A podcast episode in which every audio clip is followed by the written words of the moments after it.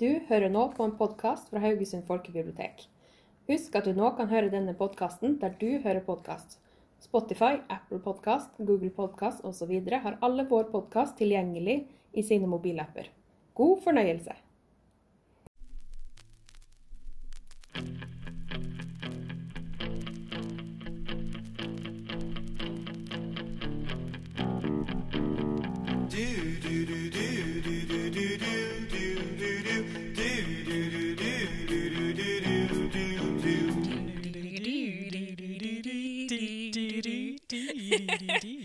Yes, vi har fått introsang, vet du. Vi har brukt den jo forrige gang òg. Eh, Helge Toft har vært så utrolig grei å, å la oss bruke sangen hans 'Angst'. Helt fantastisk. Den er fremført av bandet hans 'Månen har datt ned'. Og Legendarisk Haugesundsband. ja, Mm. jeg merker jo det nå, og den er jo så catchy. Ja, det? Ja. Jeg går hjem og nynner på den hele tida. Ja. Og det er litt sånn, når jeg hører, tenker på podkasten òg Ja. Jeg merker jeg nevnte podkastintro for de ansatte her, og så begynte de øyeblikkelig. Veldig gøy. Ja, men det er jo bevis på at det funker. Det Ja, det var litt sånn Tusen takk, Helge. du, du, du, Med en gang. Men det er ikke bare Helge vi skal takke i dag. Eh, Trine Sørbø har vært så utrolig flink og snill og laga oss en logo. Ja. Og eh, kan ikke du forklare hva er det vi har bilde av?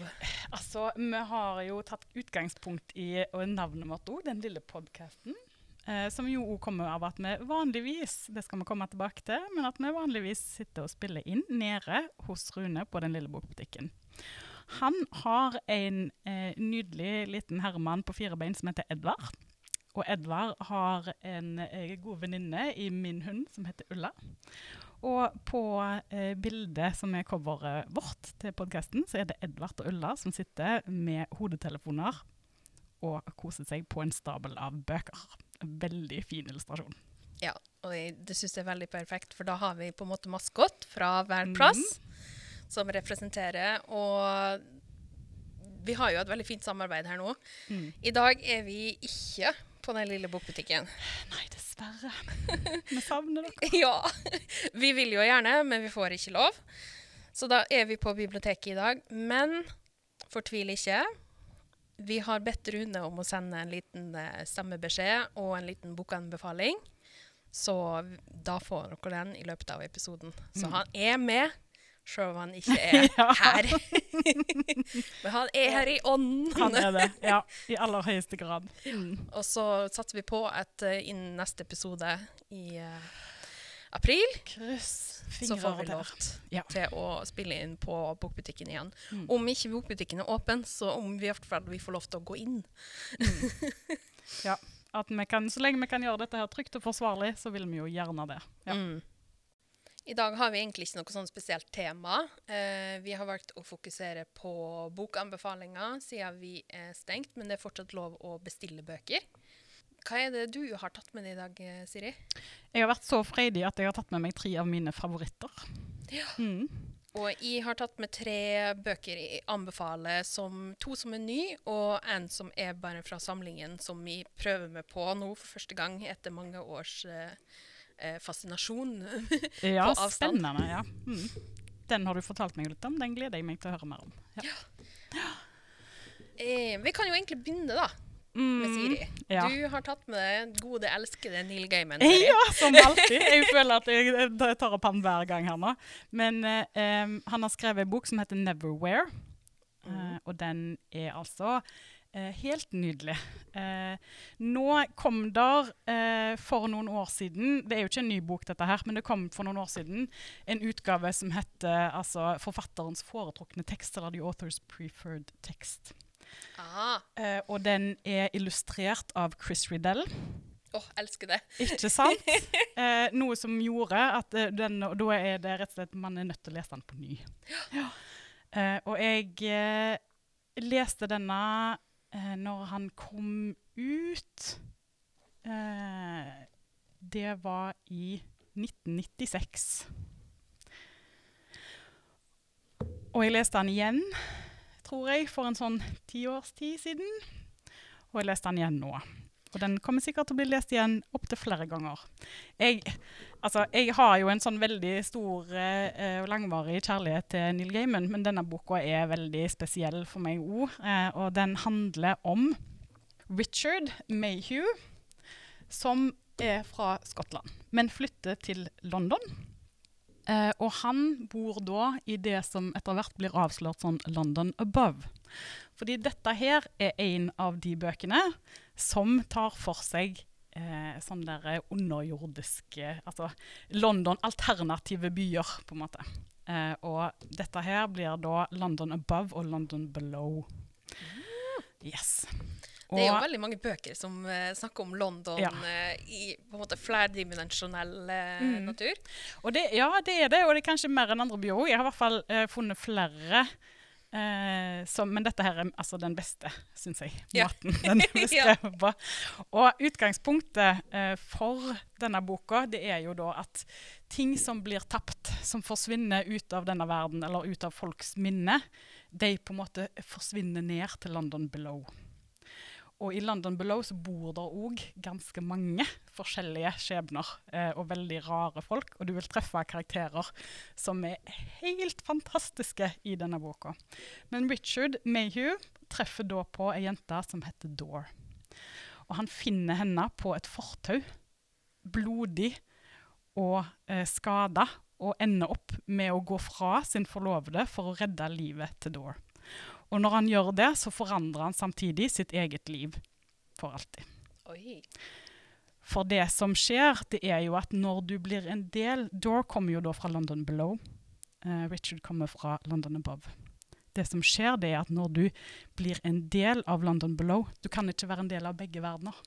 Så han forsvinner på en måte ut av folks bevissthet. Han hadde jo en jobb, han hadde et liv, han hadde en forlovede og en leilighet og alt i London Above. Men idet han på en måte trer inn i Doors sin verden, så blir han på en måte mer og mer bare vag og usynlig for folk der oppe. Ai, ai, ai. Og jeg har i dag eh, altså En av de tingene som skjer i denne boka, det er jo at de må, til, de må finne veien til et marked etter hvert. Richard har jo aldri vært nede i London Below før, så for han så er dette her bare galskap, alt i hopa. Eh, men det er noe som heter The Night Market, som foregår i London Below. Og det er en ganske heftig tilværelse der nede. Eh, det er ganske mye som skjer mellom mennesker. Det er mye, mye folk som ikke er venner. Men på The Night Market så er det på en måte en sånn våpenhvile. Der er det ikke lov til å utøve vold, det er ikke lov til å eh, starte konflikter. Eh, men for å komme dit så er det en ganske heftig vei. Eh, og jeg har en passasje fra denne boka som jeg har litt lyst til å lese for deg, Audhild. Fordi Ja, vær så snill. jeg, eh, jeg tenkte at dette her kommer du helt sikkert til å digge. Um, og nå har de altså, etter mye om og men, funnet veien til inngangen til The Night Market. Og det viser seg at The Night Market foregår på Harrods, altså handlevarehuset i London. Men det er jo ikke eh, på en måte eh, vår virkelighet sånn som vi vet det. Men bakgrunnen for det hele det er på en måte Harrods fra London Above. Så Richard er nå på vei inn i The Night Market for første gang i sitt liv. Skal vi se. Richard stood there, alone in the throng, drinking it in. It was pure madness. Of that there was no doubt at all. It was loud and brash and insane, and it was, in many ways, quite wonderful. People argued, haggled, shouted, sang. They hawked and they touted their wares and loudly declaimed the superiority of their merchandise. Music was playing, a dozen different kinds of music, being played a dozen different ways on a score of different instruments, most of them improvised, improved, improbable. Richard could smell food, all kinds of food. The smells of curries and spices seemed to predominate, which between them, the smell of grilling meats and mushrooms. Stalls had been set up all through the shop, next to or even on counters that, during the day, had sold perfume, or watches, or amber, or silk scarves. Everybody was buying, everybody was selling. Richard listened to the market cries as he began to wander through the crowds. Lovely fresh dreams! First class nightmares! We got 'em! Get your lovely nightmares here! Weapons! Arm yourself! Defend your cellar, cave, or hole. You want to hit 'em? We got 'em! Come on, darling! Come on over here! Rubbish! screamed a fat, elderly woman in Richard's ear as he passed her malodorous stall. Junk! she continued. Garbage! Trash! Awful debris! Come and get it! Nothing whole or undamaged! Crap, tripe, and useless piles of shit! You know you want it!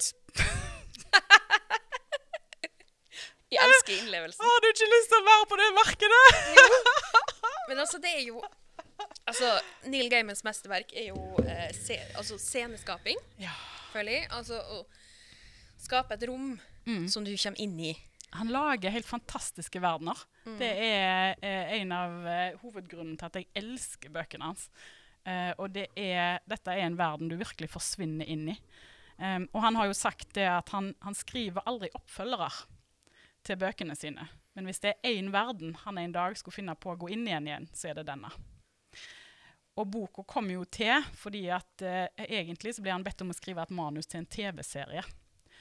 Og han syns at den TV-serien Om han noen ble sendt, det er jeg litt usikker på, men han syns den ble så ræva at han valgte å istedenfor skrive det som en bok, for der fikk han skrevet den historien han egentlig ville fortelle. Aha! Og den utgaven her som vi har, eh, som er illustrert av Christer Dell, den er helt magisk. Og eh, vi har jo snakket om tidligere om dette her, i hvert fall mitt forhold til dette her med eh, bilder og film og TV-serier basert på bøker som du elsker. Men jeg tror at eh, eh, pennen og strøket til Christer det passer veldig godt overens med min eh, fantasi. Jeg elsker de bildene her og de tegningene. Akkurat nå skulle jeg ønske at vi kunne vise dere bilder fra denne boka. Men for guds skyld, eh, kjøp han, lån han, finn han et eller annet sted. Han er Ja, Vi har den på biblioteket. vi har det. Vi har den på norsk, vi har den på engelsk. Og begge, både norsk og engelsk utgaven vi har på biblioteket, er den illustrerte versjonen. Ja, magisk. Ja, og bli ikke skremt, av, bli ikke skremt av min uh, opplesning, men uh, prøv heller sjøl. Ja.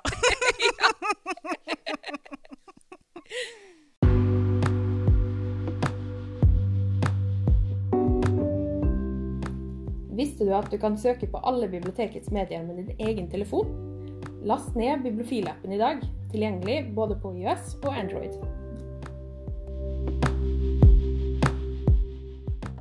Mm.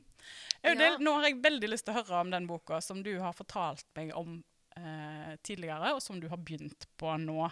Eh, hva syns du foreløpig? Du må fortelle hvilken bok det er først. Ja, OK. Eh, Senest i går begynte jeg å lese. Ja. Altså, det her er en bok som jeg har eh, Når den var helt ny, i 2017, så fikk jeg den på lydbok på appen jeg bruker der. Eh, og syns den lydboka var så altfor spesielt at jeg, jeg, klarte ikke. Hvorfor det? Eh, fordi det her er en bok som er bygd opp av veldig masse forskjellige eh, vitnesbyrd og beretninger og monologer og dialoger, og alt er satt kronologisk.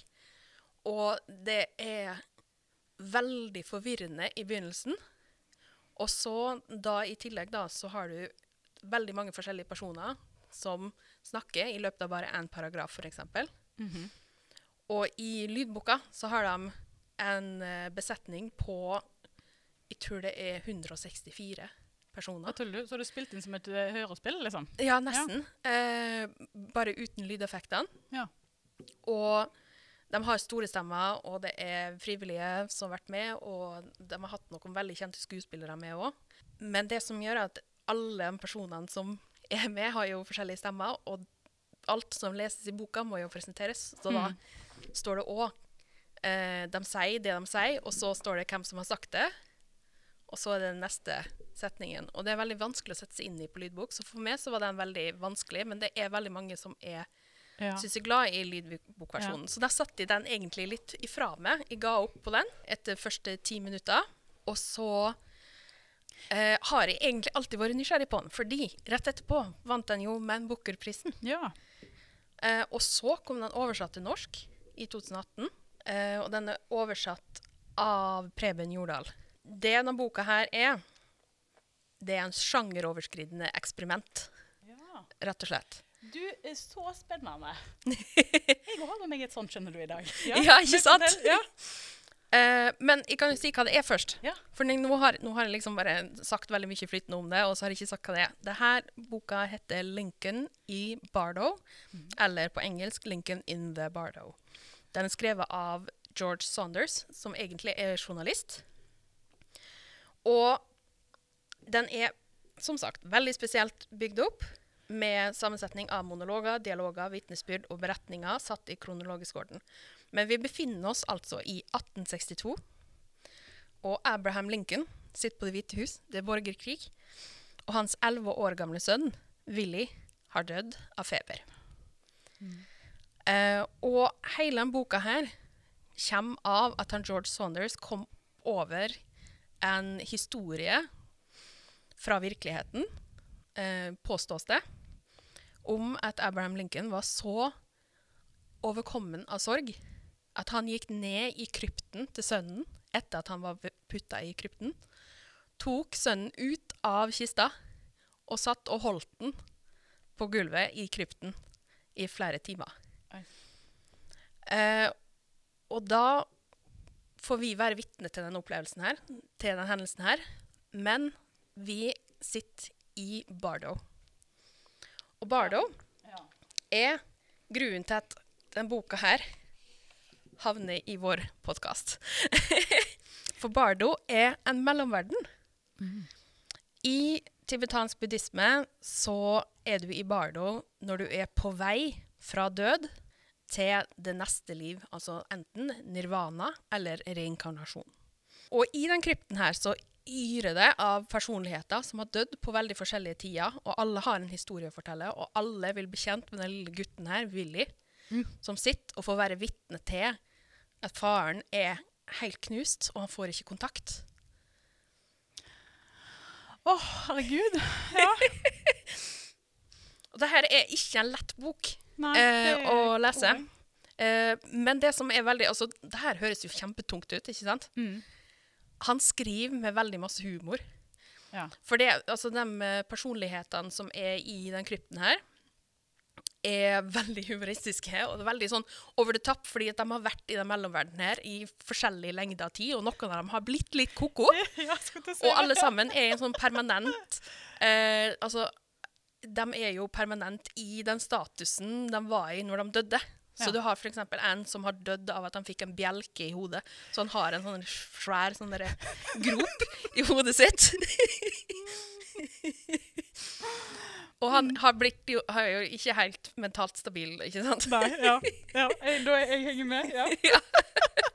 Men så ut Det er- virker som en utrolig spennende bok, da. Det, Og han George Saunders, Jeg så et intervju med han i går. for at jeg, jeg var sånn der, Hvordan skal jeg på en måte fortelle om det her sammenhengende? For det er, så, det er en vanskelig bok. ja, ja. Fletter han det inn med altså, amerikansk historie? Bruker Ja. noe av Lincolns uh, Så det er, du har de karakterene som er i den krypten her. Uh, og nå har jeg ikke, nå har jeg jo, jeg bare 100 sider inn. Uh, og jeg har ikke satt meg så veldig inn i på en måte hvem av disse folka her som faktisk fantes. Men jeg er ganske sikker på at han har gjort arbeidet nok med at han har henta inn personligheter som på en måte hører hjemme i den krypten i Mm. virkeligheten.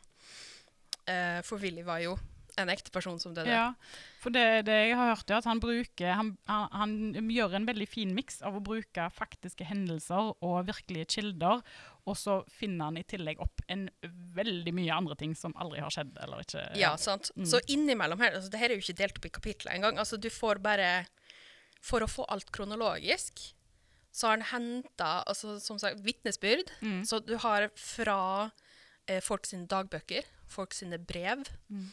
Eh, du har artikler som ble skrevet om hendelsen fordi at Willy døde under en fest som veldig mange deltok på. Oh. Eh, men det var ingen som visste at Willy var oppe på loftet og døde av feber. Fordi at de kunne ikke avlyse festen, det var for politisk eh, lada. Eh, men Abraham og kona visste det jo. Og det, det skjedde jo veldig mye på den festen her, så du har liksom beretninger fra folk som var på festen, som ikke visste om gutten, men har eh, vitna til stemningen, og har vitna til at eh, dem som eh, arrangerte festen, og vertskapet og sånn, var jo påvirka av situasjonen. Ikke sant? Og så dør jo gutten midt i festen. og folk må bare dra hjem. uh, men ja, så det er veldig spesielt, og det er synes jeg vanskelig å sette seg inn i. Men han George Sanders sa det på det intervjuet jeg så i går, at uh, han har gjort det med vilje. at det er liksom der, du, du, du må virkelig bruke litt tid, og de aller fleste Han sa at eh, nesten 90% leser de første um, 20 sidene, og så kaster de boka på andre sida av rommet. Og så er det kanskje halvparten, så plukker de den opp igjen og fortsetter å lese. og da, liksom, da ble jeg minnet på opplevelsen, for det, det var jo det jeg gjorde med lydboka. Ja. Men så plukka jeg boka opp igjen i fysisk form, og da ble det mye mer beleselig. fordi da kunne jeg, det som lydboka ikke gjorde, hoppe over eh, eh, altså navngivelsene av alle beretningene. Ja. For hvis du hopper bare over dem, så blir det her en kronologisk fortelling. Det er jo eh, noe ganske eh, tilfredsstillende med forfattere som på ingen måte ønsker å skrive lett tilgjengelig litteratur. De ønsker bare å skrive akkurat det de har lyst til å skrive sjøl, Ja. uten hensyn til leseren. Ja, og han sa jo på det intervjuet at liksom, jo, når han skulle skrive bok, så måtte det jo bli en bok som gikk nesten rent på dialogaktig skriving. Altså det er jo veldig lite sånn eh, skjønn. Det er veldig lite beskrivelse av rom og utseende og sånn. Altså det er stort sett Er det beskrivelse av utseende på noen, så er det fra en person som snakker om det. Enten i monolog eller dialog. Kult. Så mhm. Men ja, spennende bok. Ja, når du har lest den ut, eh, Audhild, så er jeg veldig spent på å høre hva du syns. Ja, jeg tror nesten jeg må nevne den en gang til når jeg er ferdig. Jeg kom jo 100 sider inn nå. Ja. Nå det. Eh, og det gikk jo unna, det. Altså, det er jo en tjukk bok, men det er fordi alt er skrevet med veldig, det er veldig masse luft mellom hver beretning og alt sånt der, så går det fort unna. Altså, du, den er lettlest når du har kommet inn i konseptet og har blitt vant til hvordan den ser ut og føles. Så ja. George Saunders, Lincoln i Bardo, anbefales. Enn så lenge. Vi får se. Jeg lovte jo en hilsen fra Rune, eh, så jeg tok rett og slett og ringte den. jeg. Eh, skal vi se om han svarer. Hallo, Audhild. Hei, Rune! Ja, det var jo kjempetrist dette at med den lille bokbutikken da måtte Eller alle må jo holde, holde stengt nå, at vi ikke kunne være her på denne episoden. Så vi får glede oss til, til våren kommer nå. Ja, vi håper vi må åpne igjen snart, og at i hvert fall vi får komme på besøk. Eh, sånn som Ja, vi kan ta opp ja, neste ja. Ja, ja, ja. Jeg gleder meg til det. Til og med Edvard savner jo Ulla. Og, Åh. ja, så det Så nå, Men jeg får i hvert fall eh, jeg får i hvert fall litt tid til å, å, å, å lese sjøl nå. Ja, kan du ha lest? det er jo litt kjekt. Men nå, vet du hva, nå har jeg brakt fram eh, det, det er ikke ofte jeg leser en bok flere ganger, men jeg ble anbefalt Eller mange av de som anbefaler boka, sier at det er så mye i den boka at det, det svarer seg også å dra den fram hvert femte år, sier de. Og det er en som heter Gene Wolfe, som da har skrevet fire bøker da, som er, er samla på en måte The Book of the New Sun, som er på en måte både fantasy og, og, og sci-fi, på en måte. Ja, vi har snakka mye om som- blandings, eh, blandingsbøker i dag, så Ja, det passer er veldig bra. født jeg er, jo, jeg er jo født på det 80-tallet, når det var mye sånt. The, the golden age. Eller jeg var ikke født, men jeg var leser. da. Ja, ja, ja. Leste, leste du for. Ruben? Ja, ja, ja. men, nei, men det er det er Jeg kan jo bare nevne litt. Grann. Altså det Grunnen til jeg sier at det gjerne er fantasy, det er jo det at den planeten de ser på, kan vel være litt sånn typisk middelalder, grått og trist. Men det kommer litt sånn Det er en del andre som dukker opp her som trolig ikke er fra den planeten, da, på en måte. For da, eh, Jeg har ikke helt funnet ut hva det hva på en måte helt det er. Det er derfor jeg skal lese den en, en gang til. Men det handler jo da om om en gutt altså alle, Det er typisk sånn at du ble tatt til et laug, og så måtte du gå akkurat i lære i det lauget. Alt fra å bli prest til hva som helst. Men han Severian, han er da Foreldreløse barn ble ofte tatt til et laug da, som var en torturist, altså en eh, halshogger. Og, men de skulle lære seg kunsten å torturere. Og det var du følger han da når han blir eh, voksen, for det er jo en litt ære her òg. Altså, sånn folk tenker en torturist, OK, han må jo være et fælt menneske, men han skal jo egentlig kjenne til menneskeheten og hvorfor, og hvorfor han gjør det. og litt sånn. Og så tar det bare helt av. Han reiser, Du følger han på en blå såkalt en reise, kanskje. Så, så det er ei bok som jeg virkelig anbefaler. Ja, så kort femte år, da. Så burde man lese Ja, da, hele ja, da burde vi lese hele serien, ja. Og så oppdage nye ting i forhold til, til oss sjøl, og litt forskjellig. Hva var det forfatteren het igjen? Gene Wolff, Ja, og serien heter eh, 'The Book of the New Sun'. Så, så Jeg har jo anbefalt den til noen, og gjerne de som har eh, Som er dette sverd-fantasy-gjengen, på en måte, som jeg sier. Dark, eh, grim, eh, fullpakke action-fantasy. De, de blir jo sure på meg. Å ja, blir det det? Ja. Ja, ja. At jeg har anbefalt dette som, som god fantasy.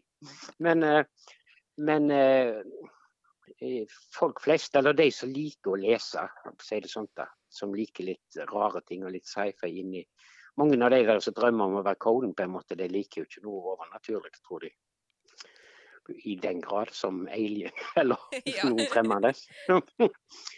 De skal ha de der tøffingene, de. Så Mm. her, her er det, i serien så er det alt, akkurat så. Du er med på en reise opp i fjellene, og du følger han som gjerne må trø til. Og, eh, I den tida så var det omreisende halshoggere, og det var vel gjerne her i middelalderen òg. At det ofte så satt folk i arrest til halshoggeren kom. Han kom gjerne noen ganger, bare noen ganger i året da, for å ta, ta ja, Det er litt ta av en jobb. Litt av en jobb, ja. Ja. Så, det er sånne omreisende halshoggere, ja. Ja, men det må jeg si, det passer jo litt påske. Ja, du sier kanskje det er litt sånn eh, Spørs om man får vekk så mye penger. henrettelser og sånn. Ja, ja, ja, passer kjempefint. Ja. Så da skal jeg eh, kose meg med det når jeg eh, Ja, det høres veldig bra ut. stenger helt av. Nå, nå er det jo sånn at fremdeles kan jo folk vippse og så hente bøker i døra. Da. Ja, dere har klikk og hent sånn som oss. Mm. ja, så det funker bra, det. Men tusen takk, Yes. Rune. God påske. God påske, ja. Så må du hilse både Siri og Ulla. Det skal jeg gjøre. Ha det. Mhm. Ha det.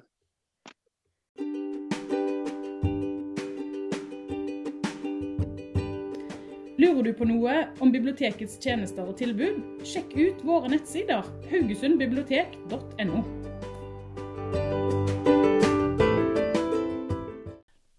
ja. Jeg har med meg ei eh, bok som kanskje er litt mer tilgjengelig enn din forrige, men eh, jeg syns den var utrolig underholdende. Eh, ikke til forkleinelse for George Saunders, men eh, Naomi Alderman har skrevet en bok som på norsk heter 'Kraften', eller på engelsk 'The Power'. Eh, og utgangspunktet for denne her, det er at litt etter litt så våkner der en kraft i alle kvinner på jorden. Og den kraften gjør at de eh, kan gi eh, elektriske impulser, på en måte, ut av eh, kroppen sin eller seg sjøl. Altså, egentlig, så, eh, for meg, når jeg leste denne, så var akkurat det de kan gjøre, det er litt sånn underordna. Men hele, hele eh, tematikken her, og det som skjer, det er jo at kvinnene litt etter litt bare tar over eh, hele verden.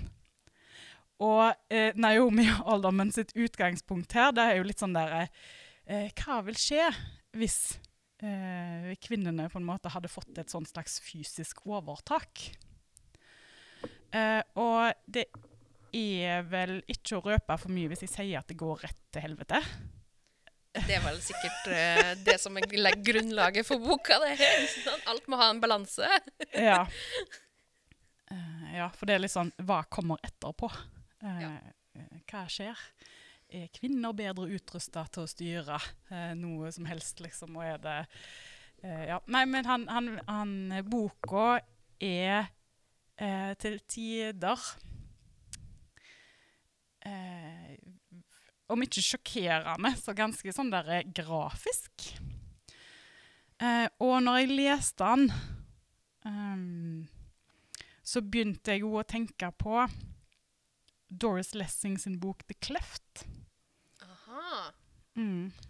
Har du hørt om den eh, boka? Jeg vet hva, Doris Lessing er en ny ting for meg, men det, hun blir stadig nevnt. I hvert Ja. fall her på jobb. Eh, og utgangspunktet for The Cleft er jo litt den samme. Det er sånn der, The, Cleft, altså, The Cleft var et samfunn av kvinner som eh, fødte barn uten at noen menn var involvert. De, altså, I denne verden så visste de ikke hva menn var. Det var bare kvinner som eksisterte. Helt til det en dag blir født et guttebarn. Ah. Og hva er dette lille misfosteret, liksom? og hva gjorde de med eh, guttebarnet, og hva skjedde når det etter hvert ble født flere og flere guttebarn? Hva skjedde der? Eh, og den på en måte um, Brytningen mellom kjønnene, da. Ja, ja, ja. Uh, den er jo til felles med uh, altså i Naomi Olderman sin bok. Og kraften er utrolig underholdende. Og jeg tenker altså påskekrim, les den. Drit i påskekrimen. Les kraften. det er nok av eh, vold og mord og blod og Ja. til å tilfredsstille den mest ihuga krimelsker. Men eh, eh, samtidig en veldig tankevekkende bok, syns jeg. Eh, og eh, spennende lesning. Mm. Vet du hva? Jeg føler meg overbevist. Gjør du det? Ja, kult. Og så, Det er jo frittstående bok, det er ikke en serie. Ja, nei, det er ikke en serie. Står på science fiction-hylla. Var 'Kraften' av Naomi Naomi Alderman heter hun. Mm. Eh, de to neste bøkene jeg har med meg i dag, er faktisk Nok en gang, altså Jeg drar jo inn tegneserier her hele tida. Ja, det syns jeg er veldig fint, for der eh, eh, kommer jeg fort til kort. Ja. Ja, jeg bruker Twitter en del. Og på Twitter så har det vært veldig masse snakk om hvor overraskende bra tegneseriebøkene om uh, The Teen Titans, som nylig har kommet ut, har vært. Eh, The Teen Titans kommer fra universet, altså superheltuniverset til DC Comics. Ja. Altså sammen som Supermann og Batman og sånn. Men Teen Titans har da blitt gjenskapt. Altså, så vidt jeg har skjønt, så er det en TV-serie. Enten pågående eller på vei, som er basert på de grafiske novellene her. Og så har du en novelle per Teen Titan. Og det som har kommet så langt, det er Raven og Beast Boy. Og jeg har hørt veldig masse bra om boka om Raven. Nå har jeg ikke rukket å lese den sjøl.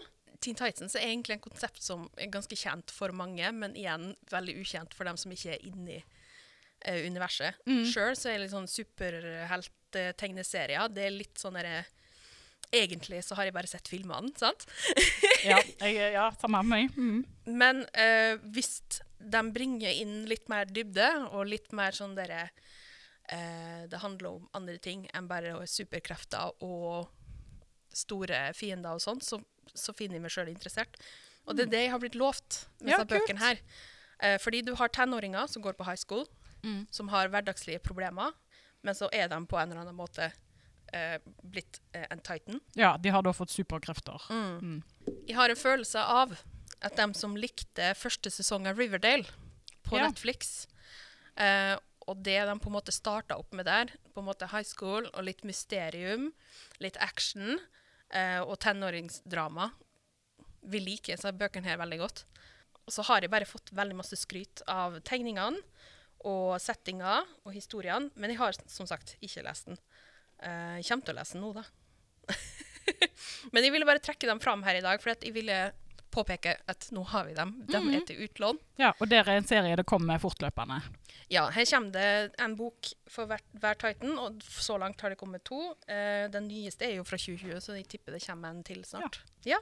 Teen Titans. Da har vi Teen Titans Beast Boy og Teen Titans Raven av Kami Garcia og Gab Gabriel Piccolo. Ja. Til utlån på biblioteket og salg hos Veldig gøy. Rune. Ja, jeg eh, har med meg ei bok til i dag. Eh, og den eh, eh, Når du snakket om eh, eh, Lincoln and Bardo, så har jo denne boka i forhold til oppbygning eh, og kompleksitet, så har de nok en god del til felles. Eh, denne boka er skrevet av Simon Stranger. Det er jo den første boka av Simon Stranger som jeg leste. Han er jo en norsk forfatter som har skrevet eh, romaner eh, både til barn og voksne. Eh, dette her er i aller høyeste grad eh, en bok for voksne.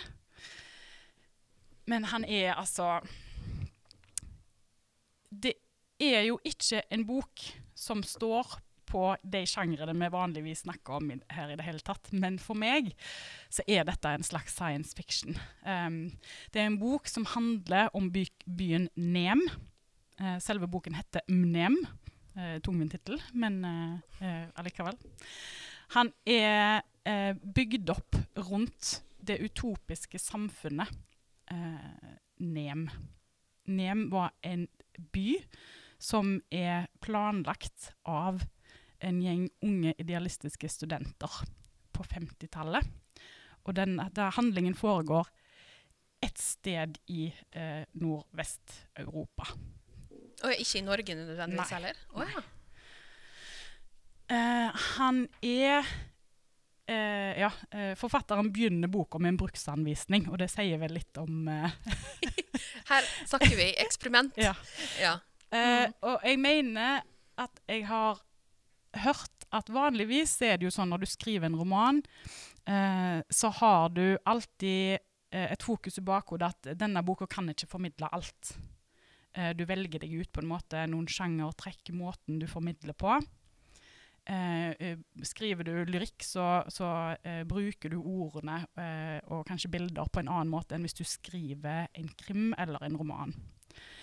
I denne boka så har eh, Simon Stranger gått helt motsatt vei. Han har prøvd å gjøre alt på en gang. ja. Men på en eh, merkelig måte så fungerer det for meg veldig bra. Jeg eh, ble helt eh, forgapt i denne boka, fordi at han har en blanding mellom eh, sånn der, altså vitenskap eller, og arkitektoniske prinsipper og menneskeskjebner eh, og en fantastisk dialog. Og han har eh, altså, bygd boka opp som en blanding mellom minner og erindringer og nåtidig handling. Eh, så vi møter eh, en mann som er født i byen Nem. Det er blitt han fortalt. Men han husker det ikke. Eh, og han hadde en mor og en far der faren nekta plengt å snakke om det, og mora eh, på en måte forholdt seg til farens eh, uvilje. Eh, men han vet da at han er født i byen Nem i 1955. Eh, men i alle oppslagsverk og alt det du, han kan søke og finne ut, så eksisterte ikke byen Nem før i 1959. Når han blir bedt av en museumsdirektør om å skrive historien til Nem, så drar han til byen for å prøve å finne ut hva har skjedd. Hmm. Og det er Ja. Jeg tror jeg vil lese en liten passasje fra denne boka òg. Ja. Eh, Jeg blir så glad når du leser dette med. Eh, og dette jeg skal lese nå, det er jo da en erindring fra en av byens grunnleggere. Um, vi undertegner kjøpekontrakten for skjøtet morgenen etter. Grunneieren kom selv ned til oss med datteren på ryggen. Kanskje han hadde blitt pisket ned av sin kone, eller kanskje han selv hadde blitt grepet av myntmakten og innsett hvor lite han ville måtte jobbe resten av livet om han bare solgte oss disse gressengene, disse bakkene, stråene og steinrøysene. Stefan gikk fremdeles rundt med dette skjeve gliset. Han fant fram en fyllepenn, hvilte arket mot låret og signerte. Dette, deretter så han påtagende nonsjalant opp og spurte bonden om han hadde rukket å drikke kaffe ennå. Vilma ristet på hodet. Han ble anvist en plass på en stubbe ved bålplassen, og kaffekjelen ble satt over ilden. Vi forsøkte å prate om løst og fast. Særlig Stefan så ut til å ha fått en plutselig pasjon for småsnakk, mens bonden satt tydelig utilpass og ventet på at noen skulle bringe betalingen på bane. Jeg tror det var en viss skadefryd forbundet med det fra Stefans side. Å kunne sitte slik, med en slik makt og en slik ro, på den måten bare svært rike mennesker kan. Carl valgte hensynsfullt å sette en stopper for komedien.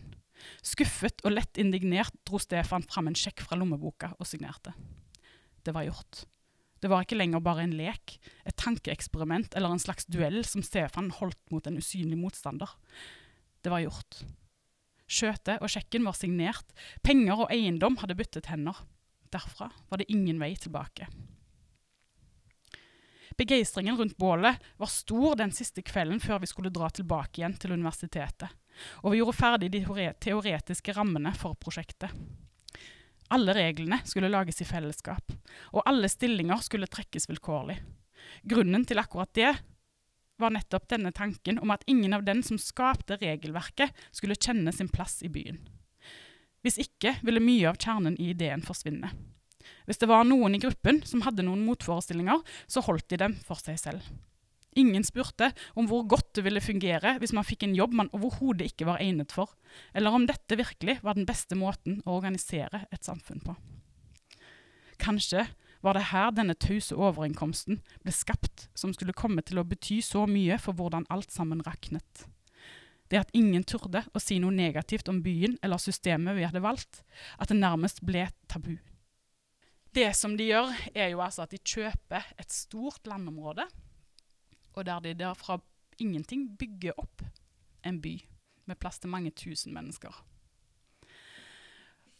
Og han blir bygd av en gjeng med studenter som vil bygge det Altså, det de vil, det er å bygge det perfekte samfunn.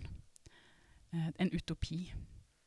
Eh, og arkitektonisk så baserer de seg på en rekke sånne prinsipper for å få det til Det må jo være enkelt å bygge, men det skal være egalitært, det skal være ordentlig. Og en av de tingene sant, som de eh, Folk skal ikke sjøl få velge på en måte hva de skal gjøre. De trekker lodd om forskjellige arbeidsoppgaver og sånn.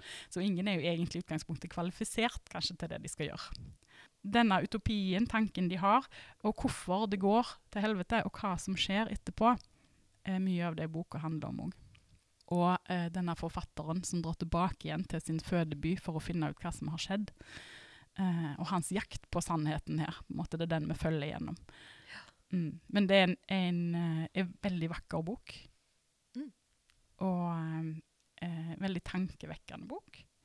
Eh, og det er en roman, men eh, jeg hadde ikke sett to ganger om den samtidig hadde stått i science fiction-hylla. Og det var Mnem? Mnem av Simon Stranger. Ja. Mm.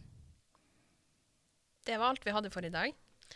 Jeg føler det er veldig viktig at vi nevner at når vi er stengt nå Nå vet vi jo ikke når vi åpner biblioteket, men selv om vi er stengt, så er det mulig å bestille bøker, og man får hente bøker. Eh, sjekk nettsidene våre. Der har vi åpningstida og påsketida, ikke minst. Mm. For mange så er det påske allerede, men for oss er det påske i morgen.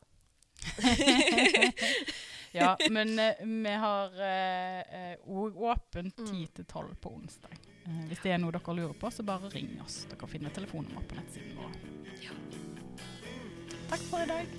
Tusen takk for besøket.